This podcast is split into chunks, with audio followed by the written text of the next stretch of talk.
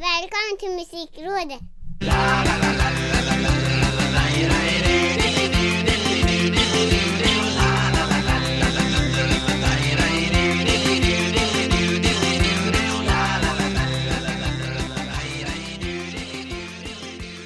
Välkomna till Musikrådet, det är avsnitt 38, det vräker ner snö ute och eh, senior Ricky Holmqvist Kan man skotta snö med den där ryggen du har? Eh, nej, det kan man inte faktiskt. Eh, den är på bättringsvägen, tackar som frågar. Men eh, än så länge så hittar jag så här alternativa lösningar. Jag går och sparkar bort snö istället. Skickar ut hunden som får rulla sig Ja, Det finns typ ekorrar där, det finns ekorrar där Precis, jag lägger ut så här hundgodis på tomten. Hej förresten, jag heter Micke Mjörnberg, jag är den andra delen av den här podden och innan, Mm. innan vi pratar om någonting annat eh, i musikväg, det, det är ju musik vi pratar om hela Ja, tiden det. till allas Ja. förskräckelse Men jag måste ta upp en sak med dig Ja, eh, För jag, idel öra. jag föll ju fullständigt handlöst här i eh, helgen Av någon Mhm. anledning började jag lyssna på Inte av halka. Nej, inte av halka, utan av Nej. Ädla fina toner Jag började av Oj. någon anledning att lyssna på det gamla Umeåbandet The Perishers Ja, Eh, se där. Och deras, eh, eller det började väl med deras Tok Hit My Hometown som är en Mm. helt fenomenalt fantastisk låt Ehm, Ja.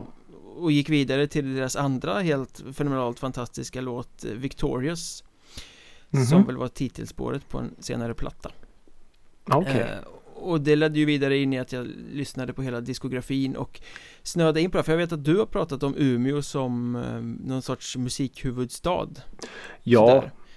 en av dem absolut. Ja, och vi har Oh, ja. liksom vurmat för Umeå-scenen och allting sånt där Men vi har liksom aldrig pratat om The Perishers och Deportees och Isolation Years Eh, Nej, För det slog mig att här inte. har vi tre band från samma stad Som släpper på några få år Alltså helt monumentalt superfantastiska plattor.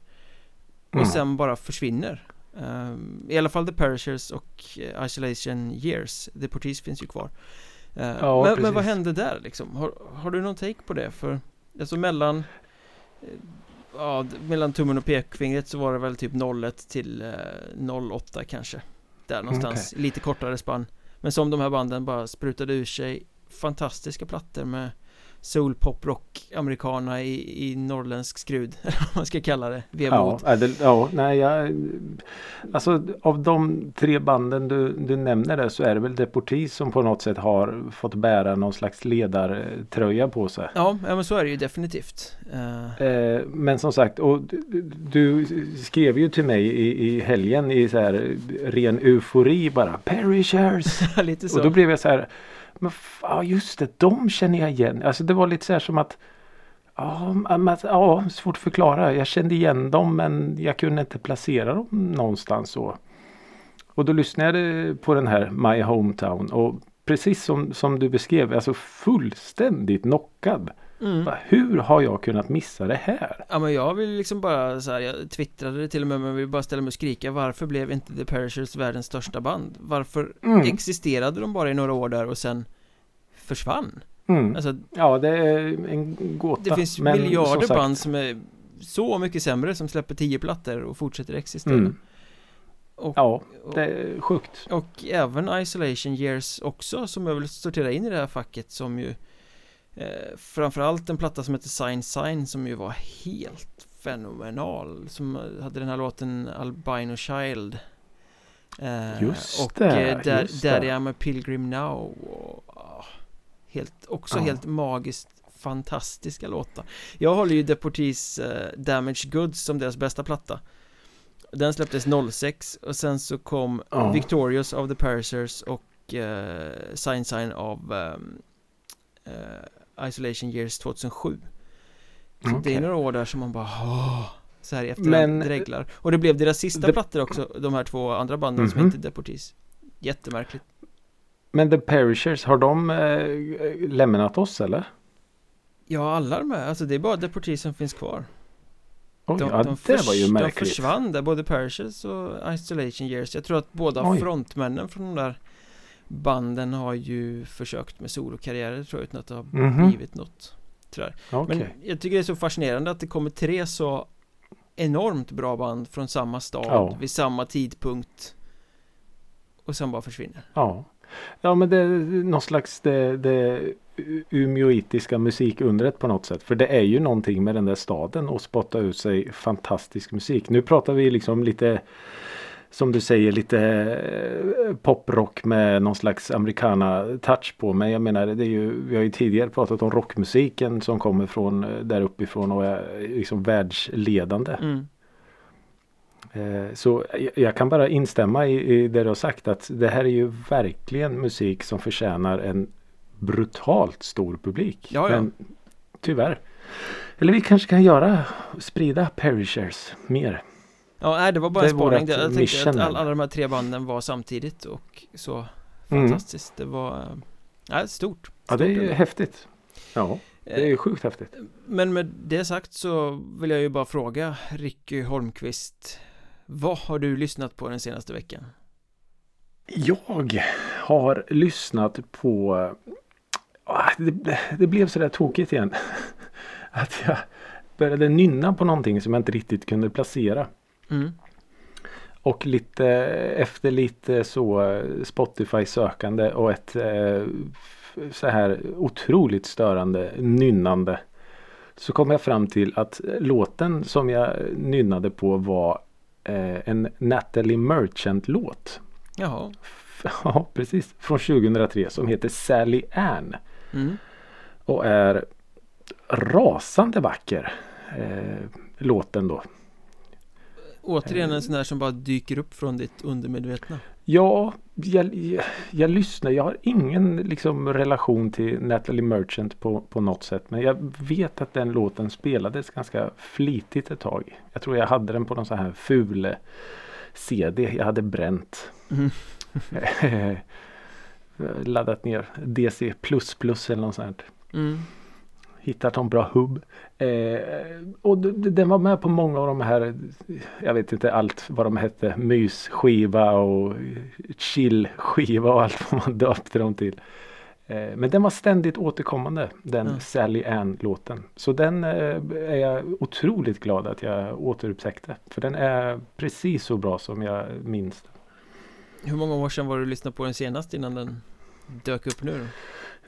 Oj, det måste nog ha varit eh, åh, jag tror vi pratar Växjö, The Växjö Years. Så då är vi nog någonstans way back. Ja, då är vi nog någonstans 2006, 2007 tror jag. Mm. Så ja, den Ungefär har, när eh, The Perishers och Isolation Years stod på sin topp Ja, precis. Jag missade då dem också. Eh, ja, och sen har jag lyssnat på The Vaccines. Ja, det här gamla pop-punk-bandet Ja, Eller? precis. Ja. Brittiska tror jag de är. Lite så skoj, skojrock-punkbandet. ja, Lite Ramones-vibbar i det Ja, Precis, ja det kan man säga. Var Lite var det inte som släppte den här eh, som heter ra ra ra ra ra ra ra Ja precis. Det är typ en och en halv minut eh, bara glädjepiller rakt Ja. in i hjärtat så. Eh, de hade släppt en låt jag såg på Spotify på någon sån här release radar eller vad det nu heter. Eh, de hade släppt en låt som heter No One Knows. Det låter som en Queens of the Stone Age cover Mm. Det var precis vad det var också. Eh, och det, det tänkte ju inte jag. Jag tänkte ju mest att ja, men den här titeln känns ju bekant. Ja, Men så började det här. Fast det är lite så här skönt eh, orgel eh, så. Och Ja. bara, shit vad coolt. Eh, inte en jättebra låt kan jag inte påstå. Men ganska häftigt att de gör den i den eh, tappningen. ja, skalar om den då liksom Ja verkligen. Eh, och då läste jag någonstans att det här är första smakprovet från eh, nästa platta som heter Cozy Karaoke EP.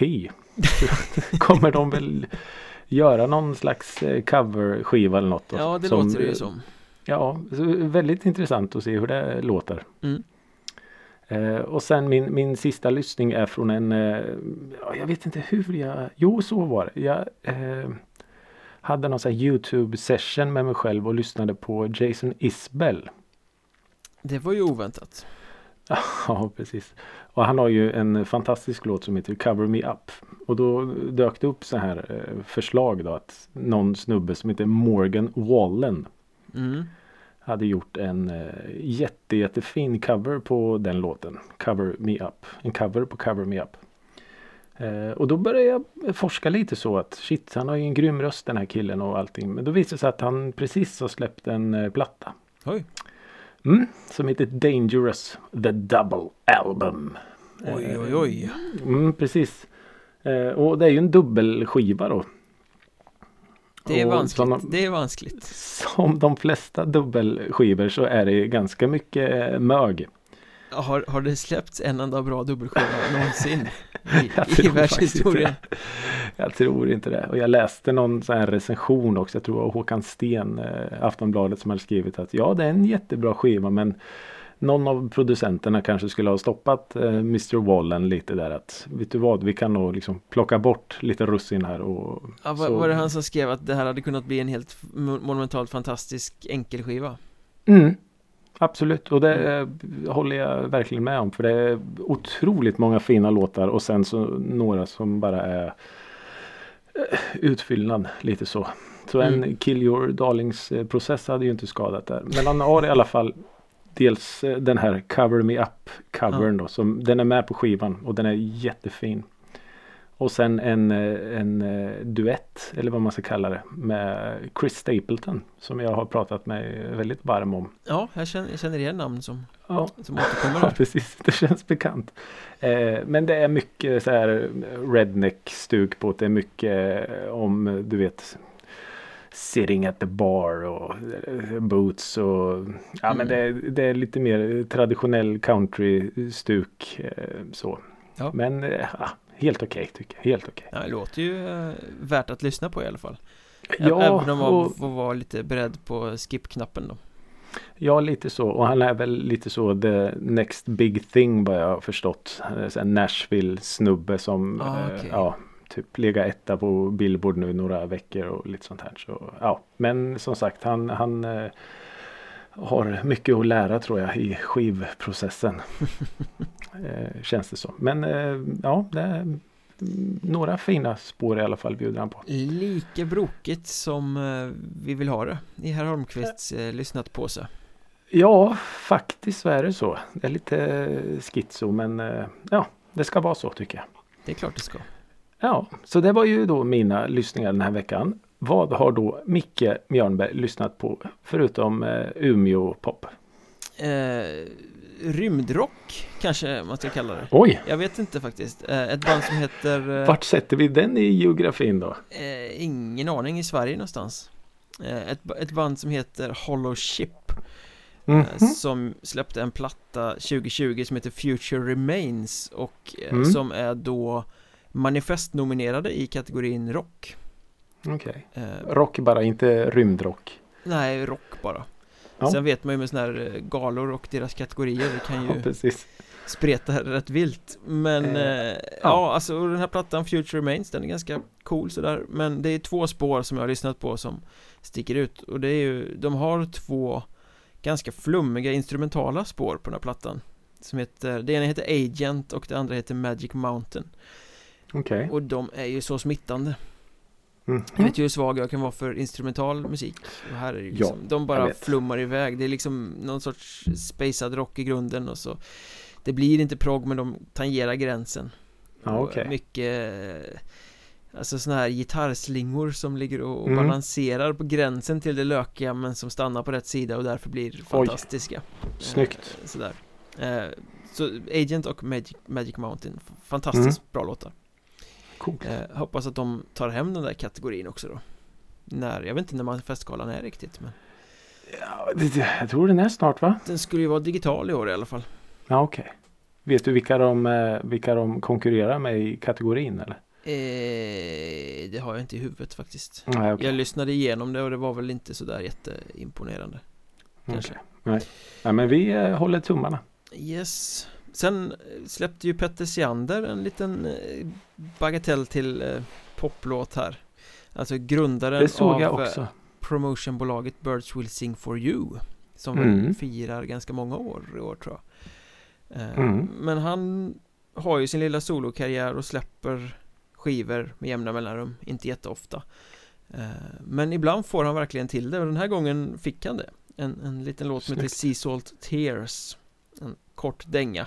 Eh, väldigt mycket i samma stil skulle jag säga som eh, Silver Spoon som var öppningsspåret på The Denial of Me, Myself and I från 2010 Som också var en sån här riktig dänga Mhm. eh, Men den här nya, det, det, när han får till det så är det riktigt smittande Drivig Coolt. popmusik Så Det gillar vi ju.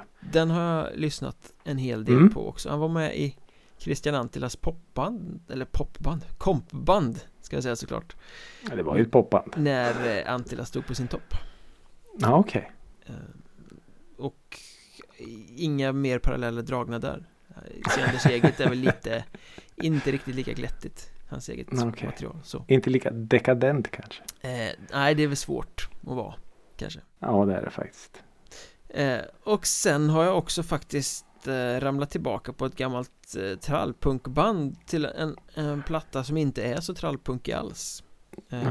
Karte 77 ingår ju i den här gruppen av punkband som de liksom stod Ja, på sin topp tillsammans med Dias Alma och Radioaktiva Räker och De Lyckliga Mm. Kompisarna och allt vad det nu var där på 90-talet men 98 så släppte ju de en platta som heter Svart på vitt Mhm. som är lite mer rå, lite mer rock Väldigt mycket mer eh, mm, liksom Rak, eller? rakare Ja. än, eh, än bara punktempo liksom De har ju skiftat form ganska många gånger genom sin Ja. karriär, det bandet Det vet till och med jag faktiskt. Eh, Det är liksom, de är kända för Lilla Björn och Lilla Tiger eller vad det heter Eh, Och lite sådana här klatschiga låtar Ja, just det. Eh, Eller Vykort från Rio som är någon sån här Avgrundsmörk eh, Fy ballad fan vad bra den är. Vykort från Rio. Den är ju fantastisk. Ja Eh, Men den här svart på vitt skivan den är också så ofantligt bra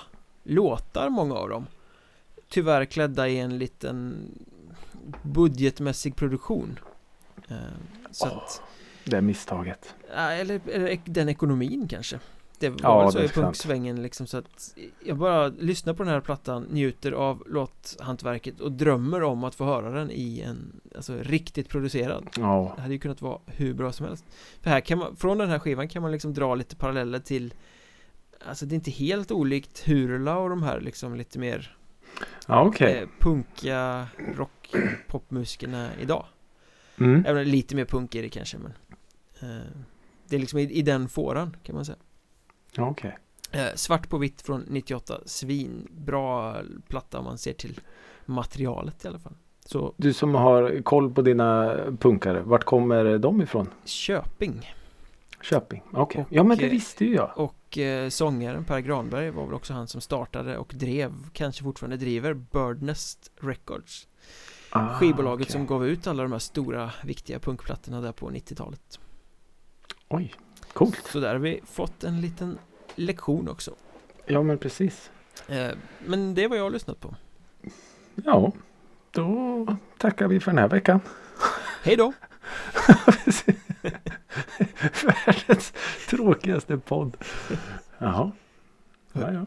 Hade, nej, de hade inget mer Nej, Nej, jag tror inte det. Kanske inte finns mer musik att prata om Jag tror faktiskt inte Men det gör Nej, ju faktiskt va- det alltså, Ja, det gör det. Du, du eh, hörde ju av dig till mig och hade ett Mm. ämne som du prompt ville ta upp och jag är ju inte den som är den så jag sa ju ja, det är ju ett jättebra ämne att ta upp Ja, men det är det ju. Så all det- yours, scenen är din Tack så mycket. Nej men det är ju, det är ju ett sånt här ämne som är ständigt aktuellt på något sätt. Och som, som har funnits sedan musikens begynnelse. Och jag pratar självklart om fenomenet One Hit Wonders.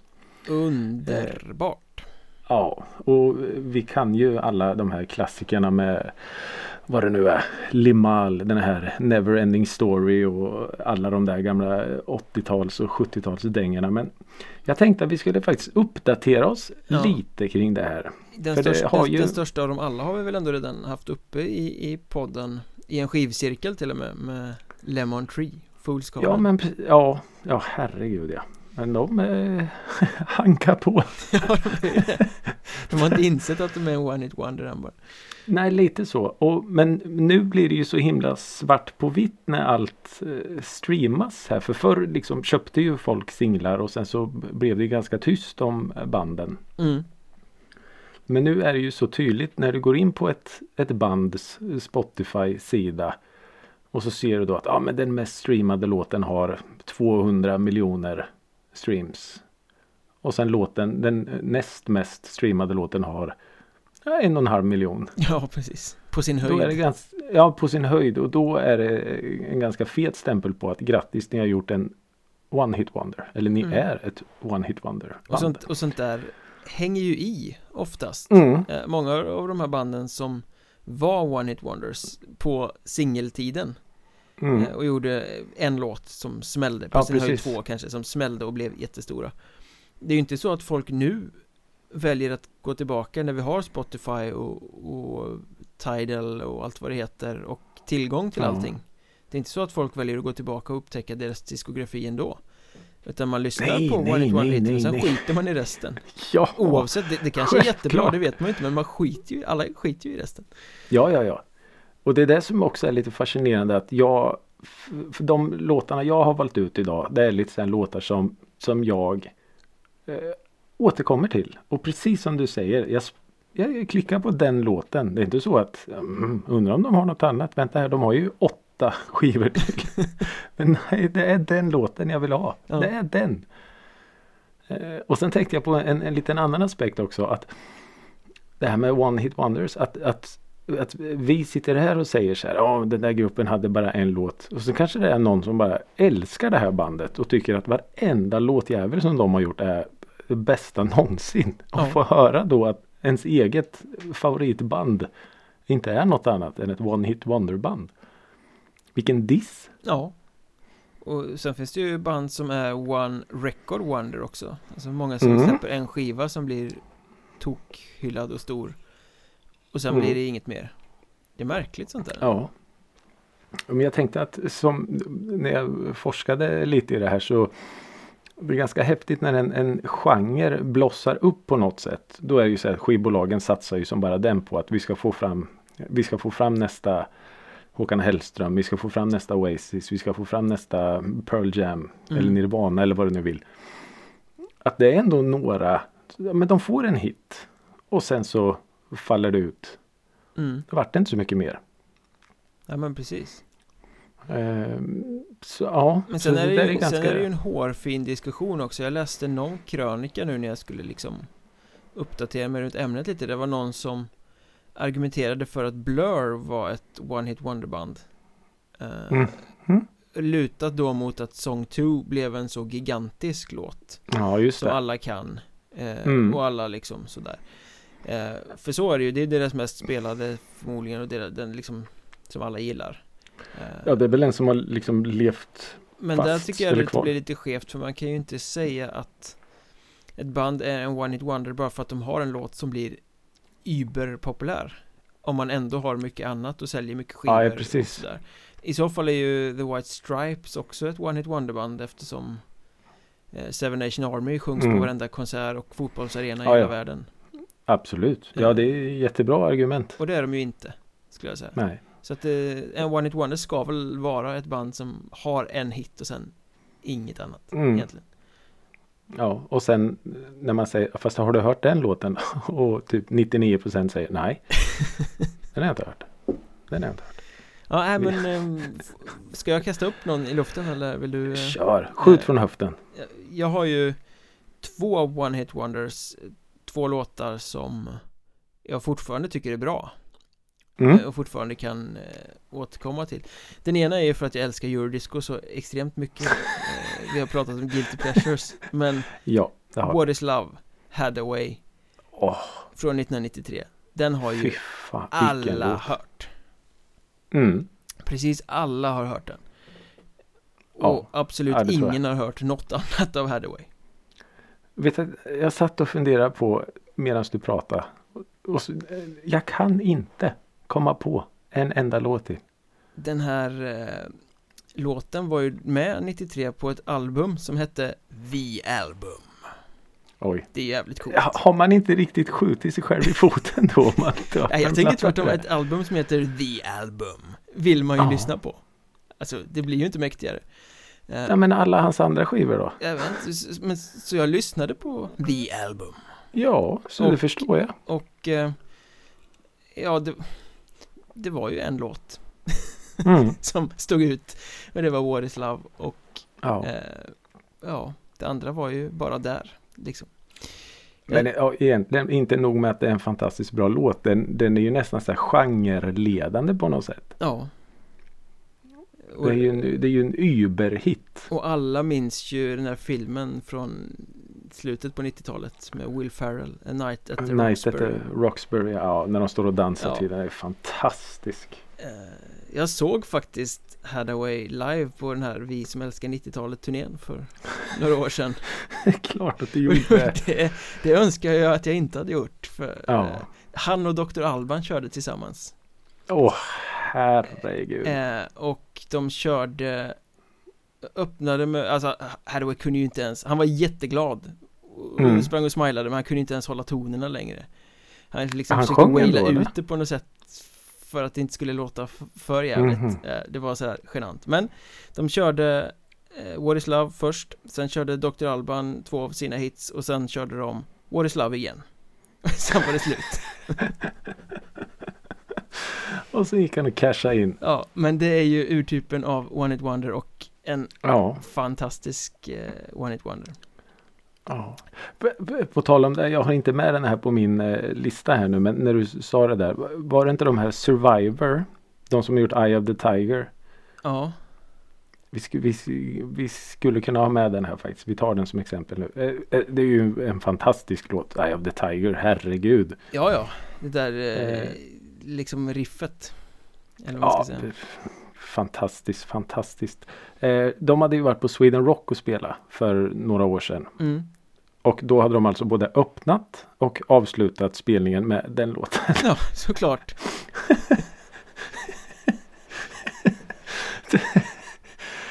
Det gjorde, Så- det gjorde ju också The Killers när de stod på sin absoluta topp eh, När eh, Human var Ja, just det. Då, Mm. då hade de ju hur mycket hits som helst att, att fylla ut eh, spelningen med Men Human var ju så gigantisk stor Så de öppnade med den och avslutade med den Ja, ja, Jag tycker det är Varför briljant ändå Folk, snyggt folk gjort. kommer och vill höra en låt och de älskar en låt Varför kan man inte spela den två gånger? ja, det är väl inget som säger att man inte kan det. Jag tror skillnaden eh, mellan Killers och eh, Survivor är att jag tror Killers har lite mer att fylla sitt, eh, sin setlist med. Några stycken va? Jag tror det bara. Jag tror det. Eh, En, en annan One It Wonder som ju faktiskt är bra på riktigt Även om den är fullständigt obegriplig är ju mm, mm, mm, mm. Vänta, vänta, vänta, vänta. Eh, mm, mm, mm, mm. Är Test Dummies ja, exakt. Mm. Jaha. De har ju släppt flera plattor Men det är aldrig Ja. någon som har hört mer än den där låten Och det är ju rätt konstigt för Nej. den är ju ändå i en genre där man kan tänka sig att Folk gräver vidare Ja, precis. Ja, den var ju skitstor den låten. Ballad. Ja, men den är ju fantastisk den låten Ja, Ja men den, de har gjort en hit i alla fall. den är riktigt så One It Wonder Mm. Ja, det är ju själva, eh, vad ska man säga, urtypen. Har man hört något mer av dem? Nej. Nej, jag tror inte man vill det heller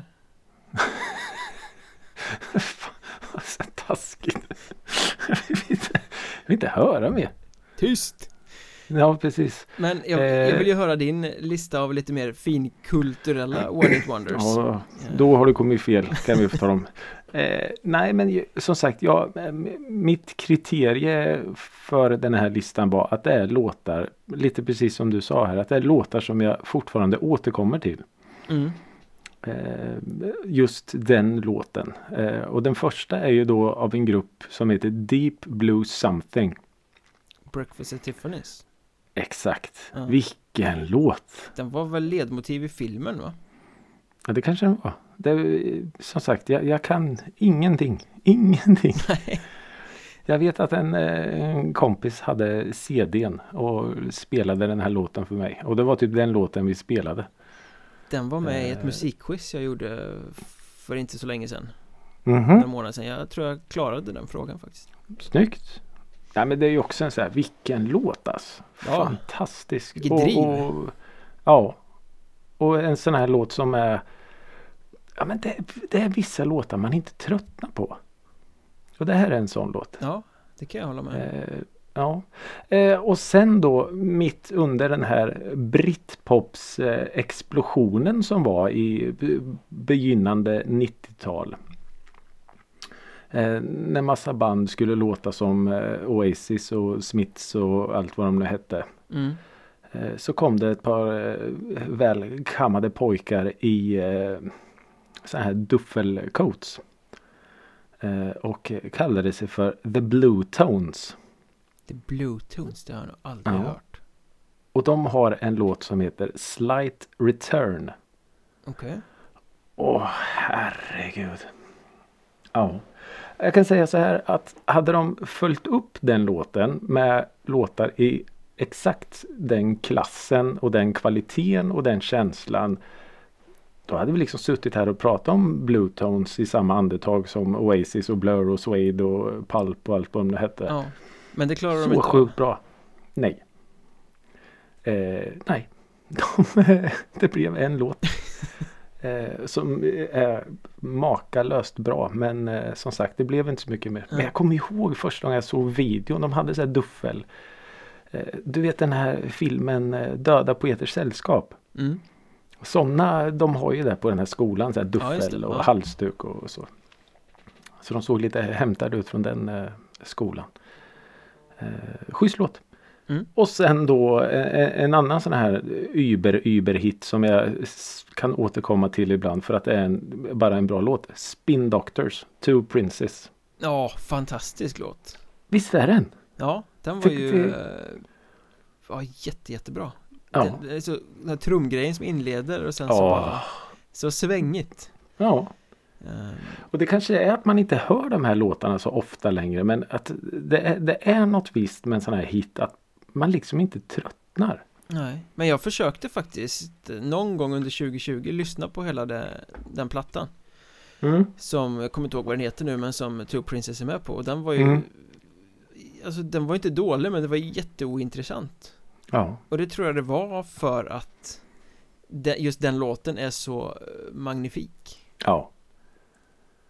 Ja men det, det, måste ju också kännas som, som band när man gör en sån hit. Alltså en sån hit som vi har pratat om här idag. mm. Bara, ja, vi ska väl in i studion igen och spela in en ny platta här nu. Bara, alltså vilket omöjligt uppdrag. Ja Hur ska vi toppa den här? Ja, och sen ja, så vill ju alla vill ju höra den låten. Ja Det blir svårt att komma med den här klassiska musikerklyschan Det här är den bästa vi har gjort Det är Mm. det bästa vi har gjort Det nya Nej, är vi alltid tröttnar aldrig på har att gjort. spela den här. Vi tröttnar aldrig på att spela den här. Nej, nej, okej. Eh, och sen då eh, har jag en låt som i det här lite grunge-härvan som dök upp. mm. Det var väl typ mitten på 90-talet kanske. Mycket Seattle-band och allting. Och här kanske jag skjuter mig själv i foten men det dök upp ett band som heter Blind Melon. Eller hette Blind Melon ska jag säga. Ja Eh, och de ett, nej, jag vågar inte säga vilken eh, rad eh, i ordningen men de hade en låt som heter No Rain. Och den här lilla flickan i videon som hade någon så här getingdräkt eller hummeldräkt på sig och dansa och nej, vilken låt det är alltså. Nej, det Den är ringer det faktiskt ingen klocka Det är en så här skön gitarr i början som bara är så här. Den är bara solsken. Du blir glad när du hör låten. Ja Eh, och sen som sagt, ja, jag tror i och för sig att eh, sångaren knarkade ihjäl sig sen så det kanske är förklarligt att det inte blev så mycket mer men Men stack de ut så mycket som band? Nej. Det, för det är ju det är ju lite som du säger, det är en sån här referens som kan droppas och alla känner till bandet Men Mm. det är inte så många, i alla fall inte som jag omger mig med som kan nämna en låt av dem Nej men det är, jag, det jag, är jag, jag känner, jag säger så här, ja, ja, ja, det är dem Men sen kan jag inte Ja, nämna precis. en enda låt Nej men det är väl liksom Det var väl lite då MTVs storhet och allt och de hade en cool video och det, det, hjälpte ju jättemycket på den tiden. Ja, Eh, och, och liksom få komma ut bland folk för det var ju så det syntes då. Det var ju liksom, hade du en schysst video då jävla vilken exponering du får. Ja, folk brände ner så jäkla mycket pengar i att göra Mm. videos. Ja, ja, absolut. Eh, så den stod ju verkligen ut och kommer jag ihåg liksom. Mm. Eh, sen blev det inte så mycket med. Jag vet att han, eh, de var med i det här Saturday Night Live och han ser helt förstörd ut. Som man skulle göra om man var i Som man skulle grunge-svängen. göra då ja. Ja precis. Eh, ja om jag säger Charles and Eddie. Vad säger du då? Ingenting. Nej. Då kan jag säga Would I lie to you? Det ringer lite mer faktiskt. Åh herre. Det här är mitt guilty pleasure. Ja. Ah, åh. Mm. Det, jag kan hela låten utan till. Hör jag bara första tonerna så ah, Du behöver inte sjunga. Nej tack. Eh, vi har sjungit för mycket i den här podden. Ja. Eh, nej, den Charles and Eddie, Would I Lie To You, blev ju också en sån här eh, hit.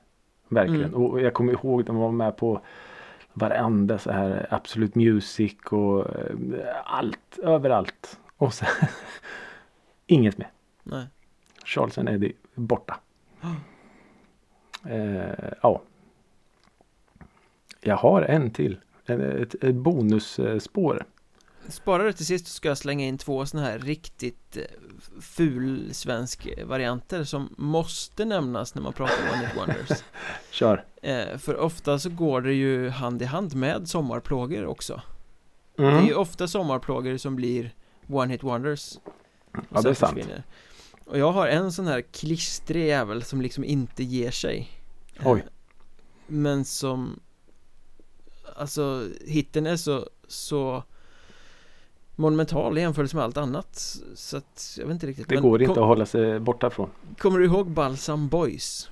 Åh herregud. Som ville vara som just Här det kommer men- sommaren. Exakt Åh fy fan. Ja, jo jag kommer ihåg. Och det är ju en sån låt som fortfarande spelas oavsett Mm. vad man tycker om den eh, Mm. Om man hatar den eller älskar den eh, Ja. Så går det ju inte att sluta nynna på den Nej. kommer sommaren Men det- Det där är ganska intressant för att det vi pratade om jullåtar. Ja, Då, då kommer jag ihåg att du sa att det är ytterst få eh, moderna jullåtar som har liksom blivit tradition. Det var Ja. liksom just det och några mer som du tog ja upp då. precis Adolfsson Men den där- Balsam Boys, den Mm. är ju liksom där uppe nu med Sommaren är kort och Ja, ja. alltså Ted Gärdestad och allt det där. Och den de släppte, har ju ju, blivit de så släppte ju sjukt. platta med, med flera låtar liksom Det är ju aldrig någon som har hört dem Nej. Det är aldrig någon som efterfrågar Balsam också? Boys Men ändå ska folk dansa och bli glada när den här låten kommer Är det inte lite att de, eh, de typ rappar lite i den där också? Jo, jo, det är ju en, Åh, just det. det är ju en just det kopia rakt av Ja. eh, bandet liksom Och bandnamnet är ju så uselt så att eh, Bals. Ja, men hade de inte lite så här eh, halvlångt slick- lockigt? Jo, jo, eh, slickfrisyrer Åh, Balsam Boys. Jag har en till sån här riktig sommar eh, Ah, sommarmelodi det som, knyter sig i magen, som ja. måste nämnas Jag tror inte att, eller det kanske vi gjorde, jag tog upp det i sommarplågavsnittet i våras eh, Det borde vi ha gjort Men Sommaren i city Åh. 1990 Kommer du ihåg den? Är det, vänta nu, nu ska vi se. Nu är det musikquiz, det är final. Jag kan vinna. Eh, Angel. Ja! Yes! Vad heter trummisens nuvarande band? Ja men det såg jag ju. Head. Headit. Elinor Head- Helinor var det. Det kom i mejlen i veckan och det var därför jag Ja, uppmärksammades på den här låten igen stjärnspäckat stod det att det var. Ja, det, alltså de var fältartister som gör någon sorts Ja. rockshow och, och sådär Mm. Men eh, om man varit medlem i Angel och spelat in Sommaren i City då är man för alltid etsad Ja i men det är musikhistorien man. Odödlig. Låt oss höra Mm. bonusspåret nu Ja, bara, varför kommer jag alltid att tänka på Sommaren i city? Varför kommer jag alltid att tänka på den här Jimmy Dean då? Oh, Nej, vad heter den är de? troll! Troll! Den är så jävla bra! Den är ju det. Den är ju hur Den bra måste som ju helst nämnas i samma andetag. Ja, men den är väl också lite one hit wonder va?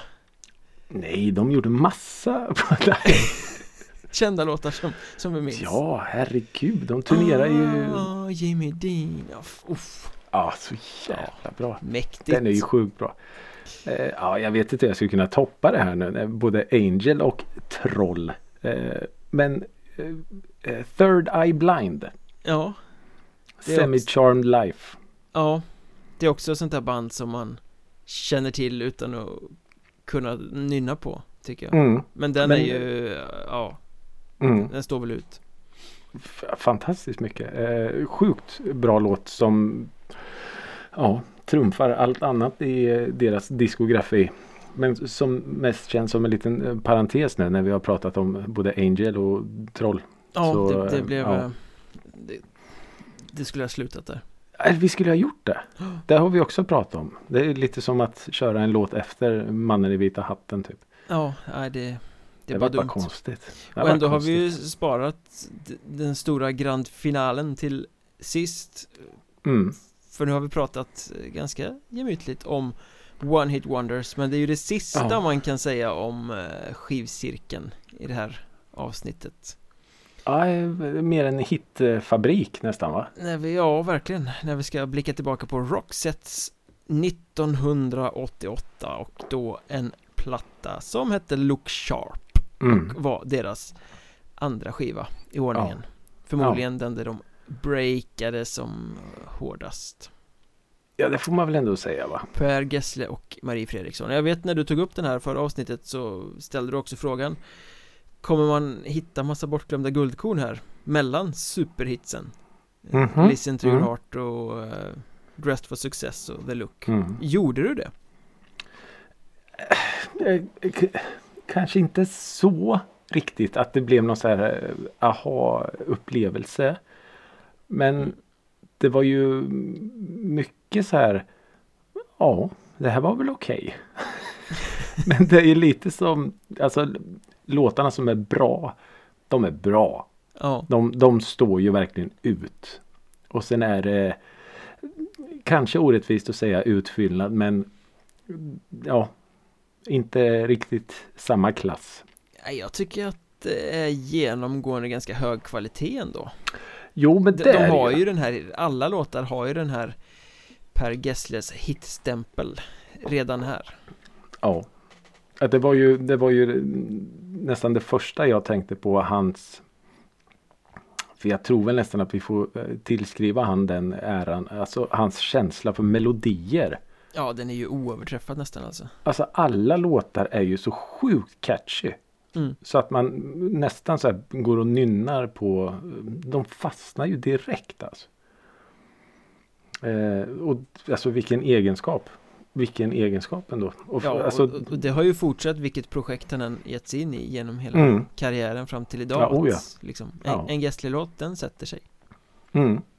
Men jag, jag tyckte det var så intressant och mina tankar drog iväg lite när jag lyssnade på den här. att Nu vet inte jag om han har gjort det men det hade varit otroligt häftigt att lyssna på Per Gessle när han producerade ett annat band.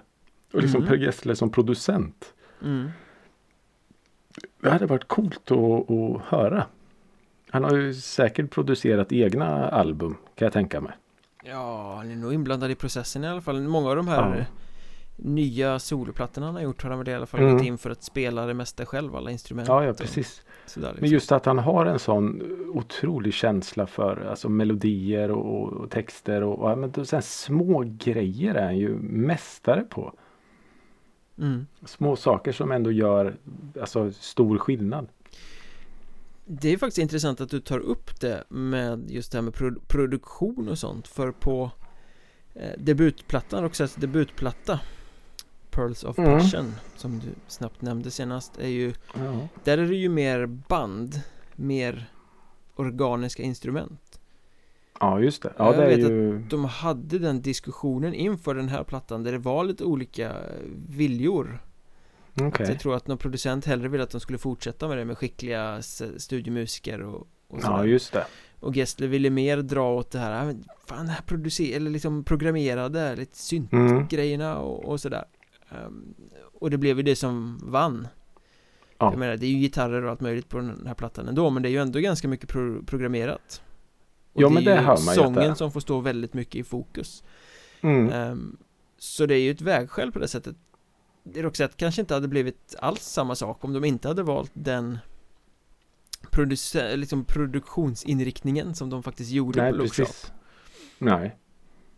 Nej, för jag menar en, en, sån låt som eh, Dance Away skrev jag, eh, gjorde en liten anteckning att det hade ju kunnat varit en eh, Erasure-låt. Det är ju Mm. nästan så här synt, syntigt med vissa tuffa elgitarrinslag. Ja Jag vet inte exakt hur det där var men Anders Herlin var väl drivande i att de la ner Gyllene Tider va? För att han ville flytta till Stockholm och börja hålla på med annan musik Det låter lärde, jag vara osagt. och lärde sig programmera och greja och jag tror att han kom in på den här plattan och Ja, Okej. gjorde sådana grejer Mm. Så att hans avhopp från Gyllene Tider i slutändan blev ganska grundande för vad Roxette blev också. Ja, just det. med, med, med, eh, jag tar lite höjd för att jag kanske förvanskar historien och hoppar lite fram och tillbaka här men, men på något sätt så hängde det väl ihop så Ja just det. Ja det låter, det låter som att det skulle kunna vara så.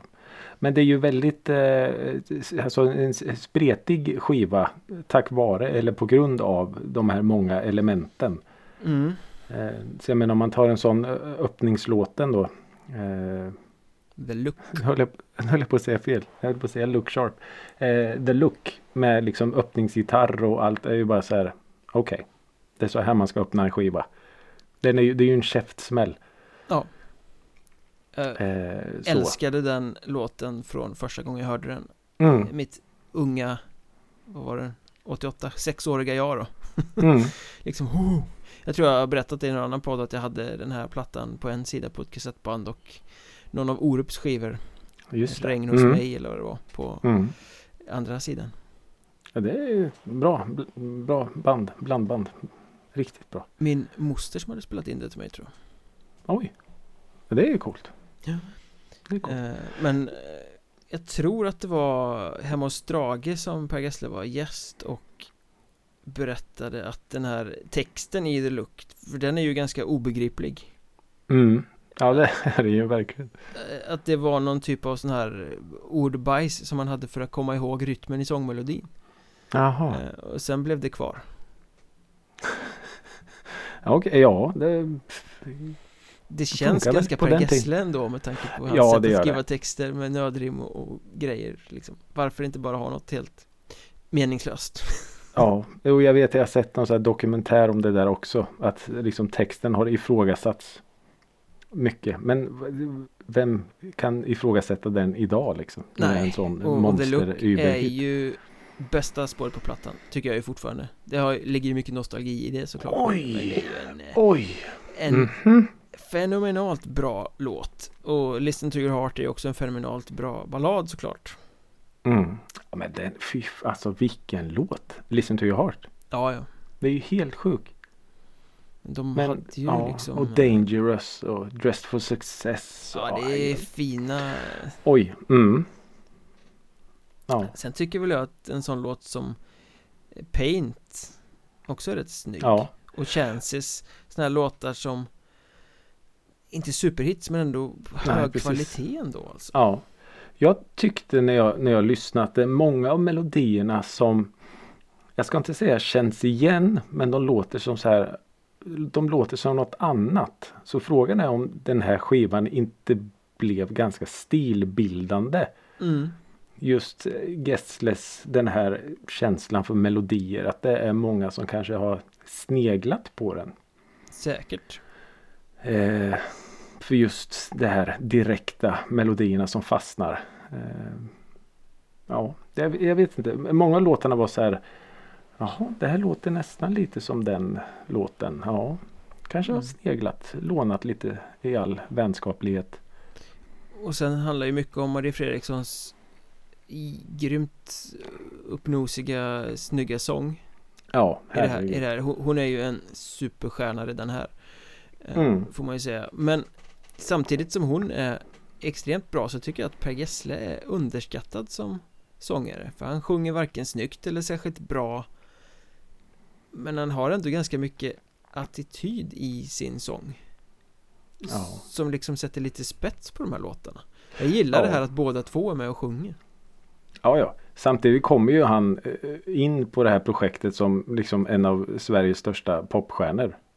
Jo, Med Gyllene Tider och allt. Så jag menar. och- absolut, men, men på det sättet han sjunger i Roxette kontra som han sjöng i Gyllene Tider är ju rätt stor skillnad. Ja, nej men jag menar just att. ljuspitchad söt Ja, ja, ja. pojke liksom Nej men just att gå in och bara kunna sjunga så, våga sjunga så.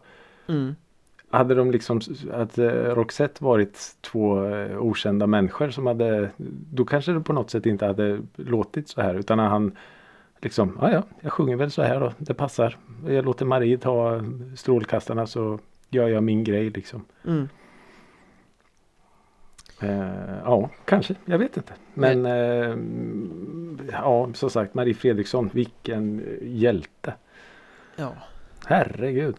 Ja, väldigt stilbildande hela plattan som du säger att den, Ja, eh, Och den är ju Den håller ju både produktionsmässigt och Framförallt och låtmässigt även idag ja oh ja. Men det, Oh det är ja. ju 23 år sedan, nej fan det är ju inte 23 år sedan, det är 33 år sedan 33 år sedan, ja, Ja. bara det.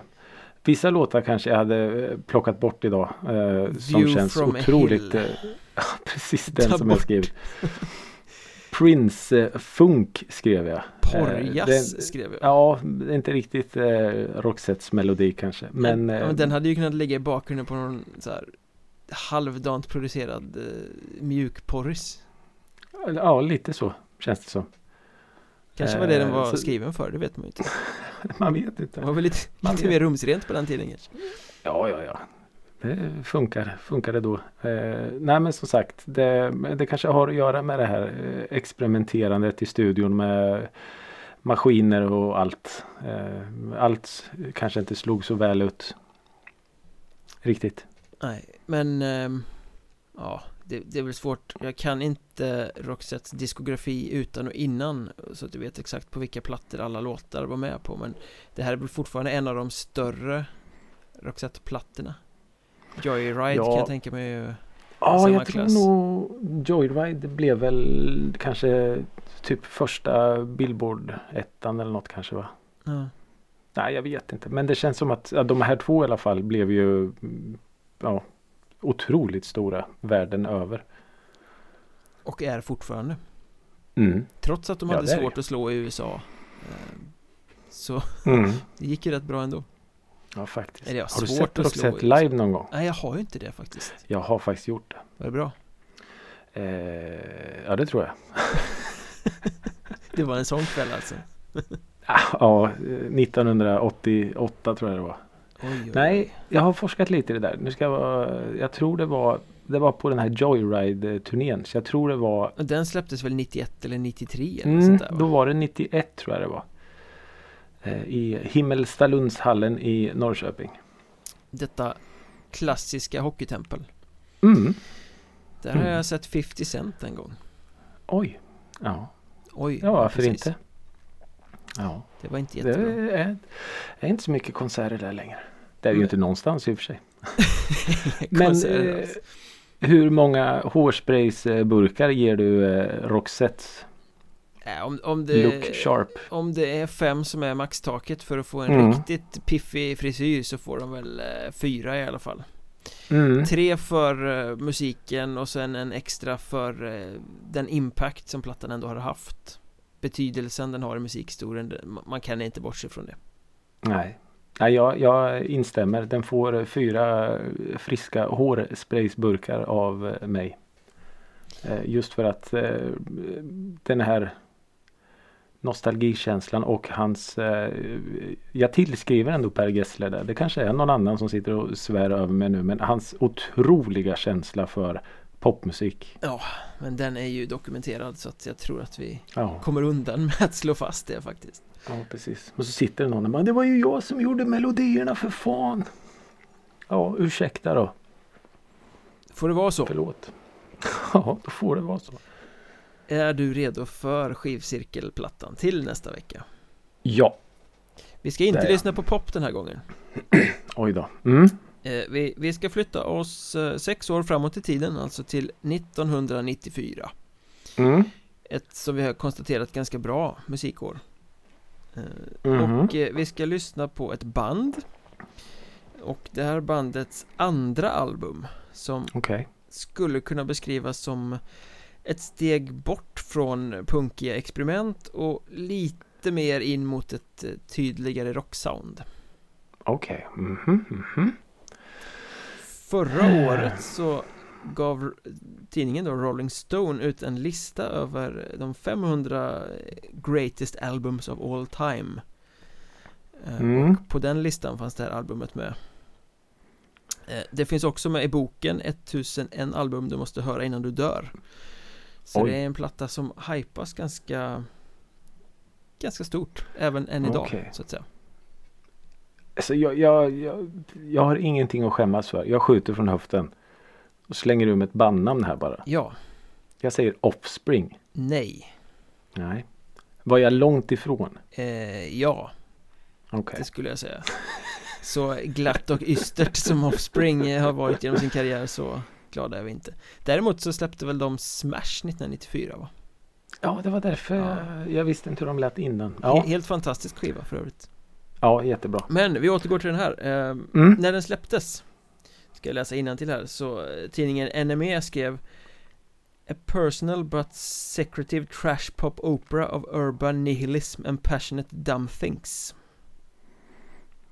Oj. NME, då är det ju ett brittiskt band då tror jag.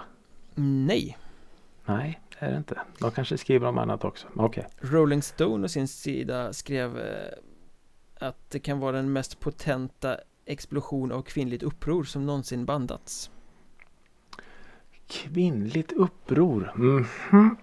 Punk. Punk som gick lite mer rock. Mhm Och det är en grupp eller?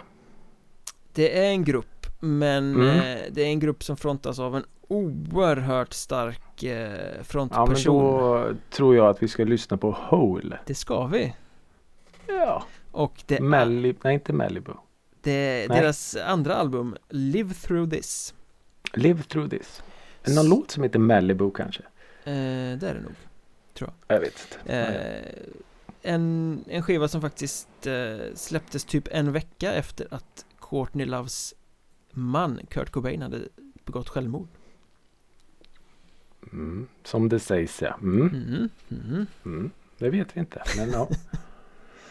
Eh, ja, att- ja men de ja. var ju också skitstora ett tag. Ja, och Courtney Love eh, hade ju en och annan rubrik Så Mm. att eh, vi, måste, vi, vi måste gräva i kulturen för eh, det här, Hole är inget band som jag har lyssnat särskilt mycket på och Hole är väl inget band som folk lyssnar särskilt mycket på idag eh. Men de tillskrivs ju fortfarande väldigt stor betydelse i musikhistorien Så att eh, det, det måste de vi ta har en, Absolut, de har en, en speciell plats där. Eh, det har de ju definitivt.